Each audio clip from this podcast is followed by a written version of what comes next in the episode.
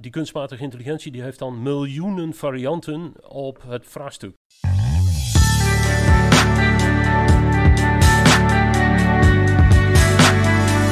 Welkom bij weer een nieuwe aflevering van Sociëteit Vastgoed Podcast. Mijn naam is Constantijn van Haafden. We hebben vandaag uh, twee gasten aan tafel. Michon van der Zalm en Hugo Jager.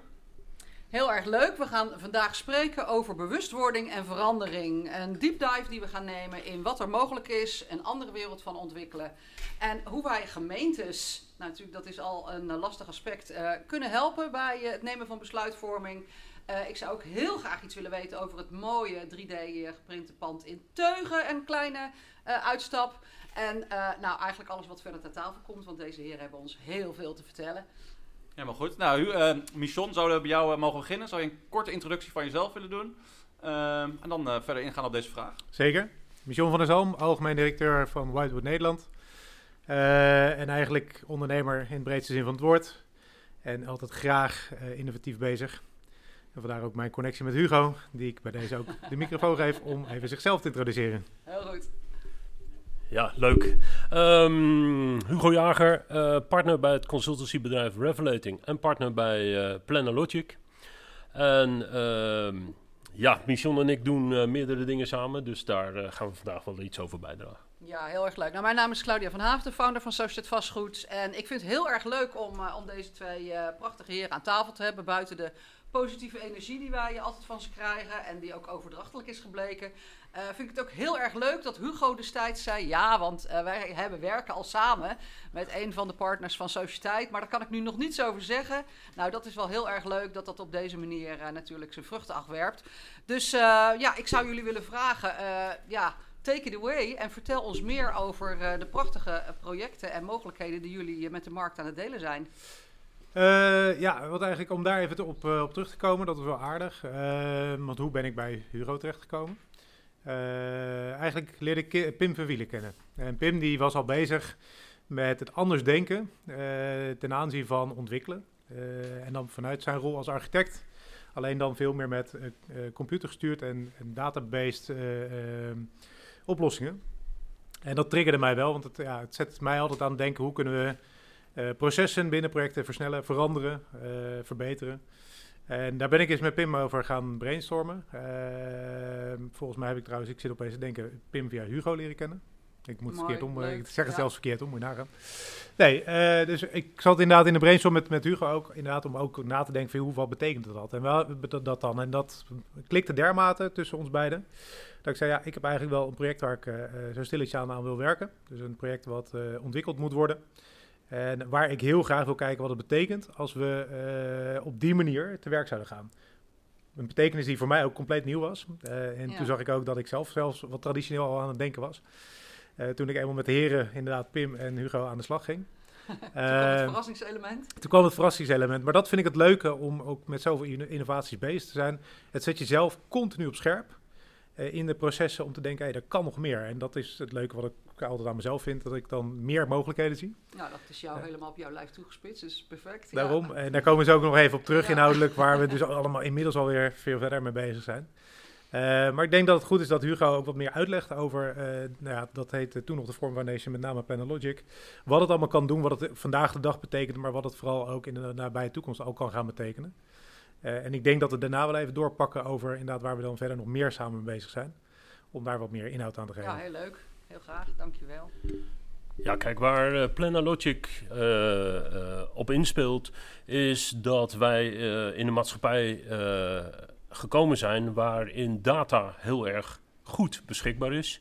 Door smart buildings, smart cities, maar ook door allerlei geodata die je zo goed als gratis kunt, over kunt beschikken. Als ook hele ontwikkeling van databases als die van Madaster en andere. Uh, allemaal data die beschikking staan, ter beschikking staan van jou als uh, projectontwikkelaar.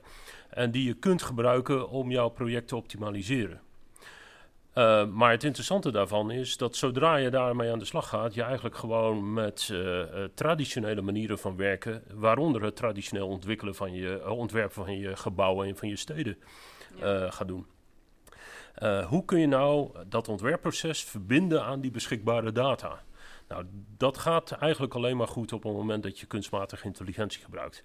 En dat is wat uh, PlannerLogic doet. PlannerLogic ontwerpt steden en gebouwen uh, op basis van data, waaronder jouw programma van eisen, maar ook uh, vereisten als de Sustainable Development Goals, de duurzaamheidseisen, gewoon de Bing-normen, maar dat kan ook BREAM of wel of iets van die aard zijn. Ja. maar tegelijkertijd ook de vereisten van de stedenbouwkundige, et cetera, et cetera. Nou, en waar dit instrument heel erg goed voor te gebruiken is, is om alle disciplines op één plek samen te brengen aan dat ontwerp. En dan op basis van data te onderzoeken hoe dat ontwerp geoptimaliseerd kan worden. En uh, dat is in de basis waar we dit instrument voor gebruiken om de besluitvorming in kwaliteit belangrijk te verbeteren en daardoor veel sneller te kunnen ontwikkelen dan dat we traditioneel gewend zijn mag ik er heel veel op inhaken gelijk. Je zult deze vraag zeker vaker krijgen vanuit dit concept. Hoe is jullie rol ten aanzien van de architect dan? Um, nou, de architect is een van de disciplines die hier natuurlijk een zeer centrale rol in speelt. Want hij of zij brengt vorm aan in het ontwerp. Ja. En dat gaat zeker niet veranderen. Alleen de vorm die zij voorstelt gaat verwerkt worden in uh, PlannerLogic. En PlannerLogic is degene die het ontwerp aanbiedt waar die vorm in is opgenomen. Maar datzelfde geldt voor constructie, datzelfde geldt voor bouwfysica. Uh, datzelfde geldt voor suggesties van uh, de stedenbouwkundige of de planoloog. Die brengen allemaal hun ideeën aan, die verwerkt worden in PlannerLogic. En dan gezamenlijk kunnen kijken naar wat het resultaat is. Ja, fantastisch. Nou, dit, dit heeft natuurlijk wel een enorme impact op uh, de nog vrij traditionele manier waarop dit natuurlijk uh, ja, altijd gegaan is. En welke grote uh, wijzigingen en verschillen zien jullie nu al door jullie input en inbreng? Nou, de, laten we met de geldkant beginnen. op het moment niet dat onbelangrijk. je. Niet onbelangrijk. op het moment dat je dit soort instrumenten gebruikt, dan kun je nou, eigenlijk alle projecten waar wij tot nu toe aan gewerkt hebben, we hebben we 10 tot 20 procent extra rendement kunnen halen uit het ontwerp. Dat kan wow. liggen in verlaging van uh, bouwkosten met uh, 15, 20 procent. Dat kan uh, liggen in allerlei onderdelen. Ja. Rendementsverbetering is gewoon altijd aanwezig. Waarom? Kunstmatige intelligentie kan veel beter puzzelen dan wij mensen. En het is dat element uh, waar die toegevoegde waarde in zit. En gemiddeld is dat tussen de 10 en de 20 procent extra efficiëntie. Dat zit hem in rendement. Dat zit hem ook vooral in verbetering van de besluitvorming. Uh, doordat je op hetzelfde moment met alle disciplines aanwezig het ontwerp onderzoekt en optimaliseert, uh, maakt jou het mogelijk om veel sneller te zien wat mogelijk is en wat niet mogelijk is. En als je twijfelt, onderzoek het maar. Dus een optimalisering eigenlijk van de menselijke factor. Ja, wij mensen blijven natuurlijk wel degene die de regie voeren. Ja. Het is een instrument wat de data aandraagt en op basis van die data krijgen wij beter inzicht in het vraagstuk en kunnen we optimaliseren. Maar wij mensen bepalen, besluiten. Het is niet het apparaat wie, die dat doet. Nee, goed, maar als je daar natuurlijk gewoon tools uh, en handvatten aangeleverd krijgt die de besluitvorming versimplificeren mm -hmm. en daardoor ook uh, helder stellen, hè, want je kunt het onderbouwen door middel van data. Het is niet gebaseerd op emotie, het is echt gebaseerd op feiten. Mm -hmm. Uh, geeft dat natuurlijk wel een enorme versnelling van het proces. Zeker. Uh, het is niet meer dat je zegt van joh, het zou wel eens zo kunnen zitten. Nee, je stelt Nee. een vraag, wil je onderzoeken hoe het zit? Ja, En het antwoord geeft gewoon in harde data, in grafieken, in het ontwerp. eh, geeft het ja gewoon fantastisch. Ja, kunnen jullie een, een, een voorbeeld geven van hoe een dergelijk proces bij jullie is verlopen? Uh, ja, zoals ik net al aangaf, uh, inderdaad door met het project te starten. Uh, loop je tegen heel veel dingen aan. En ik, ik kom inderdaad, ik ben inderdaad wel echt iemand die uit de traditionele wereld komt, laat ik het zo zeggen. Ja. Ik snap als geen ander hoe die processen in elkaar zitten. En ik, ben, ik heb me overigens ook altijd verbaasd over die processen. Ja. Ik noem dat het loopproces. Dus je start met iets, dat gaat naar allerlei partijen toe die er wat mee, mee van doen hebben. die ook daar een zegje over hebben. Inderdaad, die worden net al stedenbouwkundigen, maar ook welstand. zeker een ongrijpbare onderdeel wat vaak voor velen geldt, dat ze niet snappen waar dat vandaan komt. Terwijl dat Ja. toch op feitelijke basis best wel goed onderbouwd kan worden door hen. Ehm, en zo heb je een aantal mensen, partijen, die zich bemoeien in zo'n heel proces om tot een plan te komen. Ja. Wat eh, gebeurt, is dat dat van de een naar de ander gaat. Dus dat gaat volgo- in volgordelijkheid en dat gaat niet in één keer. Nee. Terwijl wat wij graag willen, bedoel- eh, willen bereiken, en dat is waar we ook tegenaan liepen, is om nu te kijken, kan, kunnen al die stakeholders die er zijn, nou eigenlijk in proces zetten met dit systeem, om ze allemaal hun eh, input te laten leveren Mhm. en te kijken waar we dan tegen het probleem aanlopen. En dan ga je die problemen nog maar benoemen, Ja. want de rest is eigenlijk feitelijk waar. Dat klopt dan. Maar dat is een hele andere manier van denken. Ja. Dus daarmee zie je dat iedereen die in dat proces terechtkomt, inclusief ikzelf, want dat ben ik ook achtergekomen, dat je bewust gemaakt wordt van Ja, waar ik kan zit je me ook nou. voorstellen dat je mensen hier enorm mee enthousiasmeert. Omdat ze direct eh, de toegevoegde waarde zien. Ja, je ziet twee, twee verschillen. Eh, kijk, ik word er heel enthousiast Ja. van, want ik sta daarvoor open ik Ondernemers zoals wij waarschijnlijk, ja. Ondernemend. eh, maar je ziet aan de andere kant, en dat kan ik ze ook niet kwalijk nemen, dat, dat bijvoorbeeld sommige ambtenaren, of Ja. sommige stedenbouwkundigen of planologen, wie dan ook, toch ang- angstig vinden of eng Ja, vinden. Want ja, ja, wat betekent dit voor mijn positie? Wat betekent dit voor mijn rol? Betekent dit voor mijn functie? Eh, het gaat heel ver. ja, En dat vind ik, daarin ben ik het wel met Hugo eens. Ehm, we hoeven geen angst te hebben over die posities en die rollen. Want dat doet het systeem niet. Het neemt het niet over. Het maakt de zaken inzichtelijk. Oké, helder. En door het inzichtelijk te maken krijg je heel snel je elementaire zaken naar boven. Waar je normaal gesproken heel lang over doet om dat met elkaar te bespreken. Ja. De emoties erin te hebben. Feitelijke kennis die soms ook ontbeert. Die Ja. de computer prima Ja, kan laten je zien. op één lijn zit. Ja. Ja, dus inderdaad, de, de datacompetenties. Wij zijn echt wel slimme eh, eh, personen. Maar de datacompetentie, dat kunnen wij een computer veel beter laten doen dan dat wij dat zelf doen. Ja. Dat hebben allerlei randvoorwaarden die bij ons nog meegelden, die een computer niet heeft. Ja. Eh, inderdaad, een daarvan is emotie. Ehm, dat die er nog steeds is, dat moeten we ook wel gewoon in acht nemen. Maar je ziet, doordat dat gebeurt, het- ook voor iedereen opeens een hele nieuwe wereld wordt. Ja, En dat vind ik wel leuk, want je ziet dan opeens, als het je lukt, en dat is natuurlijk mijn enthousiasme en ook die van Hugo, om mensen wel te overtuigen, waarom moeten we het wel doen? Ja, geweldig. Ja. Zie je dus nu inderdaad dingen wel op ons afkomen, want we hebben inderdaad nu een, een ja, dat is toch wel een, een vrij eh, nieuwe vraagstuk, en dat moeten we nog wel handen en voeten gaan geven. We zijn met de gemeente bezig om te kijken, kunnen we dit nou in een, in een pilot gieten? Waarbij enerzijds de gemeente loopt met projecten die eh, ze vast zijn gelopen, Mhm. ook intern, en waar ze zelf mee worstelen, Ja. en dus het eigenlijk niet goed inzichtelijk krijgen. Ja. En anderzijds wij juist heel graag willen laten zien wat kan deze tool nog meer. Dus alleen wat we nu al vertellen, maar eigenlijk nog veel meer dan dat. Ja, en daar zit bijvoorbeeld een proces van vergunningen in. Kunnen we vergunningen doen versnellen? Kunnen die processen Ah, dat zou fantastisch meer inzichtelijk maken? Ja, dat is wel iets wat, wat natuurlijk een, een complete vernieuwing is. Ja. ja, dat zou voor projectontwikkelaars natuurlijk een enorme Er verbetering zit dan ook een soort zijn. natuurlijke evolutie van het, van het concept Plan Logic, zoals je dat voorheen bedacht hebben. Wat zich eigenlijk nu door de eh, problematiek, waar je, waar je voorheen misschien al van wist, eh, maar waar je natuurlijk nu eh, systematisch tegenaan blijft lopen, dat je dat op een gegeven moment mee gaat nemen in zo'n traject. En daarin een soort eh, ja, full service concept kun je het dan niet noemen, maar waarschijnlijk straks die hele keten in één keer mee kunt pakken. Ehm, het is wel een hele grote verandering waar we het over Ja. hebben. We, we zijn natuurlijk eh, eh, gewend om volgtijdelijk te werken. Eerst de architect, dan de constructeur, dan de aannemer en weer terug naar bijvoorbeeld de ontwikkelaar of stedenbouwkundige. En eh, wat we hier introduceren is dat al die disciplines hun bijdrage leveren op één moment aan het ontwerp, wat in eh, digitaal wordt vertaald naar data, naar grafieken, naar eh, allerlei uitwerkingen in de digitale vorm. Mhm. Waaronder het 3D-ontwerp, wat je gewoon altijd kunt bekijken. En eh, dat, die kunstmatige intelligentie die heeft dan miljoenen varianten op het vraagstuk bedacht. Waarvan er enkele optimaal zijn. En die ga je dan samen bespreken en uitzoeken. Je moet dus op een heel andere manier werken. En eh, de ervaring leert dat je er verstandig aan doet om gewoon traditioneel te beginnen. En dan langzaamaan je eigen pad daarin te ontwikkelen. En je eigen voordelen te zien. En op basis van de voordelen die je ziet, je eigen organisatie erop heen, eh, op te oefenen. Ja. Want dat ga je echt niet in één dag doen. En terecht gaf Michel net aan, eh veel een van de gevolgen kan zijn dat mensen gaan denken van joh, de computer neemt mijn werk over. En voor een deel is dat zo. Die computer, bijvoorbeeld in kostendoorberekening, eh, stel dat je dat nu nog doet in Excel en jouw eh kostenmedewerker eh, voor één wijk van 30 woningen gewoon drie, vier weken bezig is om een kostenraming te maken.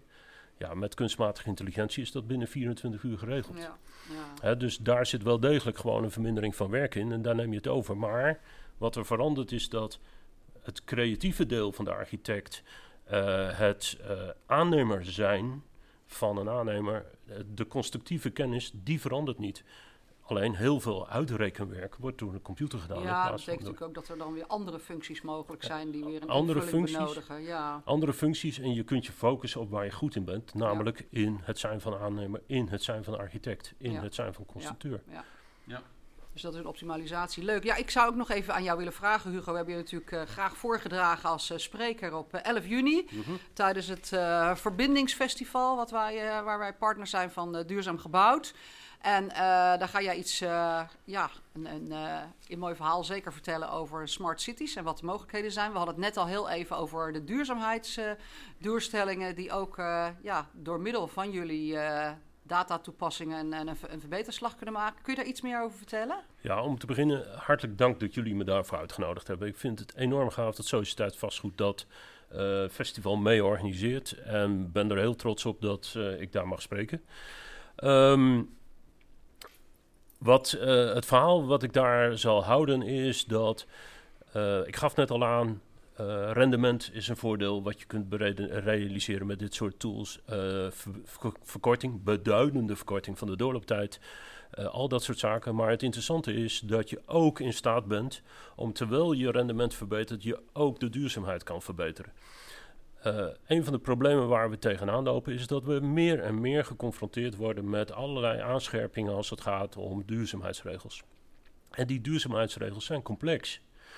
Uh, en die complexiteit is veel beter op te lossen door een kunstmatige intelligentie te gebruiken om die mm -hmm. puzzel te maken dan dat wij mensen kunnen. En om dan aan de hand van die data daar onze keuzes in te maken. Maar het leuke is dus dat heel veel van die doelstellingen gelijk lopen. Ja. Het besparen van uh, de bouwkosten per vierkante meter leidt er bijna altijd toe dat je minder materiaal nodig hebt in een ontwerp. Ja. En in de orde van grootte van 10, 15, 20 procent minder materiaal nodig hebt voor een effectief ontwerp. Minder materiaal is ook duurzaam. Want je gebruikt namelijk minder grondstoffen. Je hoeft minder grondstoffen te transporteren. Dus je raakt zowel de grondstoffen als de CO2, als uh, allerlei andere, de NOx'en. Al dat soort doelstellingen worden mee gerealiseerd. En dat is aan de duurzaamheidskant en aan de sociaal-maatschappelijke kant. Op het moment dat jij 15 tot 20 procent van de bouwkosten kunt besparen, kun je, als dat de doelstelling is, ook het betreffende gebouw gewoon goedkoper aanbieden. Ja. Uh, dus daar zal mijn verhaal over gaan dat je met dit soort instrumenten in staat bent om win-win scenario's te onderzoeken. Ja, nee, heel leuk, heel, heel waardevol. En eh, ik hoorde natuurlijk, hè, dat is waar wij elkaar vorige week ook over spraken, over jouw uh, ja, oplossingen eigenlijk voor de anderhalve meter uh, mm -hmm. economie. waardoor beurzen zelfs doorgang zouden kunnen vinden. Nou, dat is natuurlijk fantastisch. Uh, dat zou heel erg fijn zijn als dat gebeurt. Hè. We, hebben natuurlijk, we hadden een mooie culinaire tour dit jaar uh, gepland tijdens beurzen. Dus ja, dat, uh, dat gaan we dan volgend jaar of hopelijk toch eind van het jaar alsnog uitvoeren.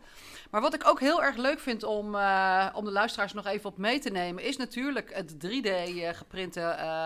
ja, want dat pand, dat was eigenlijk het eerste waarmee wij destijds met elkaar over in gesprek gingen...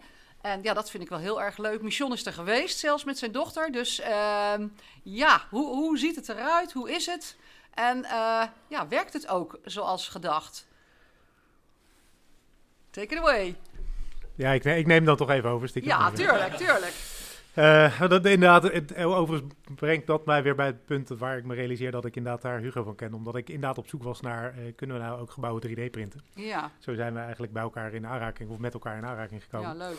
Uh, dus ja, als dat enthousiasme al daar begint, moet ik het natuurlijk zelf ook een keer zien. Buiten ja. het feit dat mijn oudste dochter een tijdje geleden op Klokhuis iets zag over 3D geprint huis. En die was zo enthousiast, die zegt, daar wil ik wat mee doen. Ja. Ja, dan gaan we dat natuurlijk direct aanpakken, stappen in de auto en dan gaan we daar kijken. Dus Hugo heeft ons netjes geïntroduceerd bij degene die dat samen met zijn vrouw geïnitieerd heeft. Of eigenlijk zijn vrouw ja. als eerste en hij volgt tijdelijk. Uh, en wij zijn er zondag geweest en ja, verrassend. Uniek, je komt natuurlijk, je rijdt door Apeldoorn heen en vervolgens kom je in het boerenland terecht. En uh, zie je opeens een 3D geprint uh, object staan. Ja. Nou, dat is natuurlijk best gek. Ja, kan me voorstellen. Uh, waarbij dan allerlei vragen natuurlijk direct al reizen. Die vragen hebben we natuurlijk aan, aan de eigenaar Arvid hebben die ook gesteld. Van, joh, waar, waar liep je nou tegenaan? Weet je, dat zijn natuurlijk heel wezenlijke vragen, ook Ja. voor een ontwikkelaar. Stel dat je als ontwikkelaar dadelijk wat groter schiet, grootschalige Exact, 3D ja. zou willen printen.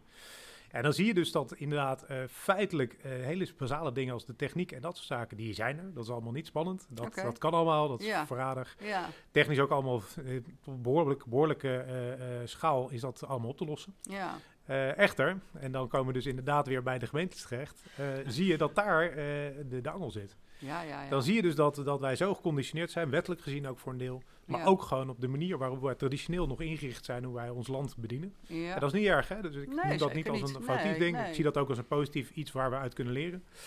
Eh, wat je dan ziet, is dat het heel veel effort vraagt om een dergelijk gebouw dan in dat landschap neer te kunnen zetten. Ja, En de effort zit hem in het feit van het wijkt af. Het is geen vierkant huisje, het, eh, het is rond, het is, het is gek, het is constructief anders. Dus we willen weten, is dat constructief goed? ja. Veiligheid is dan weer Ja. een belangrijk issue. Ja. Dus hoe gaan we daarmee om? Nou, je ziet dus dat omdat het afwijkt, eh, en dan zie je dus waarom wij ook relatief traditioneel nog bouwen, eh, is het lastig. Daarom ben ik natuurlijk ook heel blij dat een persoon als Arvid dit heeft bedacht en heeft doorgezet. Want we kunnen natuurlijk heel veel lering trekken uit zo'n proces. Ja, dat vraagt wel wel doorzettingsvermogen, ja. Exact. Dus ja, ik vind het fantastisch. En ja, alle complimenten natuurlijk voor eh, eh, Arvid, maar ook het hele team wat het eh, heeft neergezet. ja. Want ze hebben nog wel wat moeten doorstaan om toch echt- dit... eh, Moeten we toch echt nog naartoe met elkaar? Want het is toch echt wel de moeite waard om... eh, nou, of zeker zullen we dat in jouw presentaties eh, tevoorschijn zien komen. Want het is wel echt heel leuk. Ik heb e- eigenlijk alleen nog eh, de tekeningen gezien. Dus in die zin eh, zijn we wel toe aan realisme. Ja, of een keer een meeting Nou, organiseren van kleine club. maar dat- of, dat, zou eh, echt eh, kikker zijn, ja. Nou, dat gaat zeker gebeuren, want eh, het goede nieuws is in alle strubbelingen die we hadden, is na een uitspraak van de Raad van State afgelopen week of twee weken terug de definitieve toestemming voor het ontwerp van het dak er gekomen.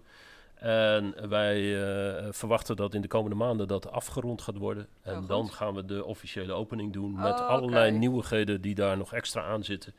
Eh, waar fantastische plannen zijn eh, van Arvid en Mario Prigge eh, om bij die opening nog wat dingen extra bekend te maken.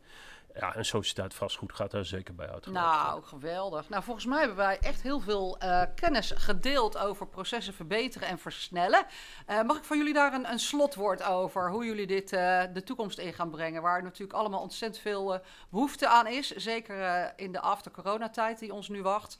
Dus heel graag. Ja, in die zin is jullie, Mission eh, natuurlijk ook zelf eh, aan het roer. En heb jij, eh, eh, eh, zou je altijd, loop je altijd voorop met jouw ideeën en, eh, en ja, innovaties die jij graag wilt eh, aanjagen in de sector. Dus eh, zeker vanuit jou ben ik heel erg benieuwd ook eh, wat jouw visie is, jouw kijk en hoe we in deze huidige tijd eh, ja, nu verder moeten. Nou, kijk, wat dat betreft is de, de coronacrisis zoals we hem kennen, of de pandemie, natuurlijk eh, geen prettige geweest. Eh, en met name voor degenen die daar echt direct mee te maken hebben gehad.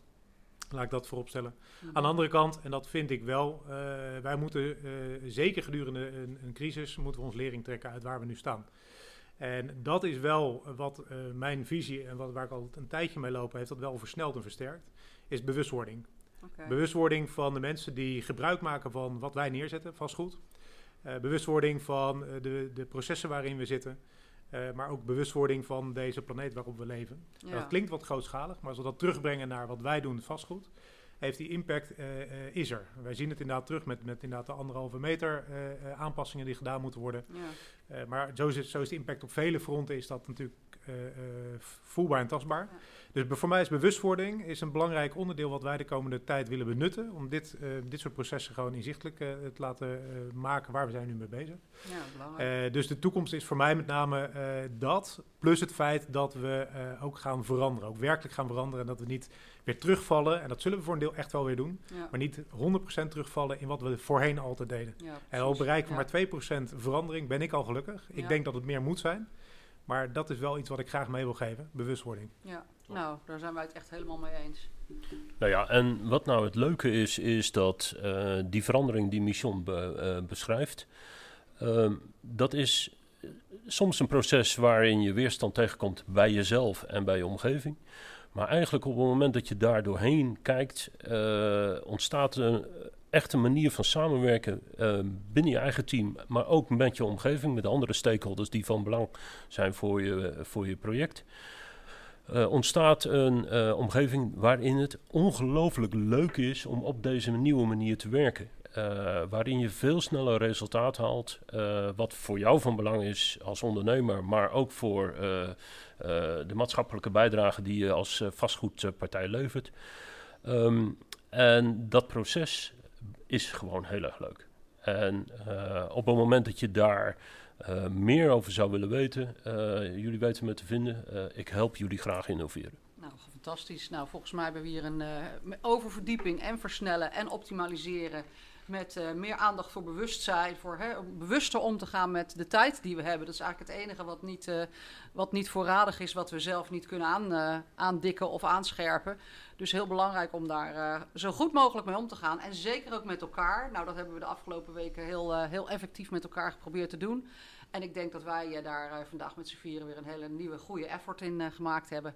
Dus heel erg bedankt voor het luisteren. En eh, jullie kunnen de gegevens eh, van deze heren uiteraard tegemoet zien hierbij.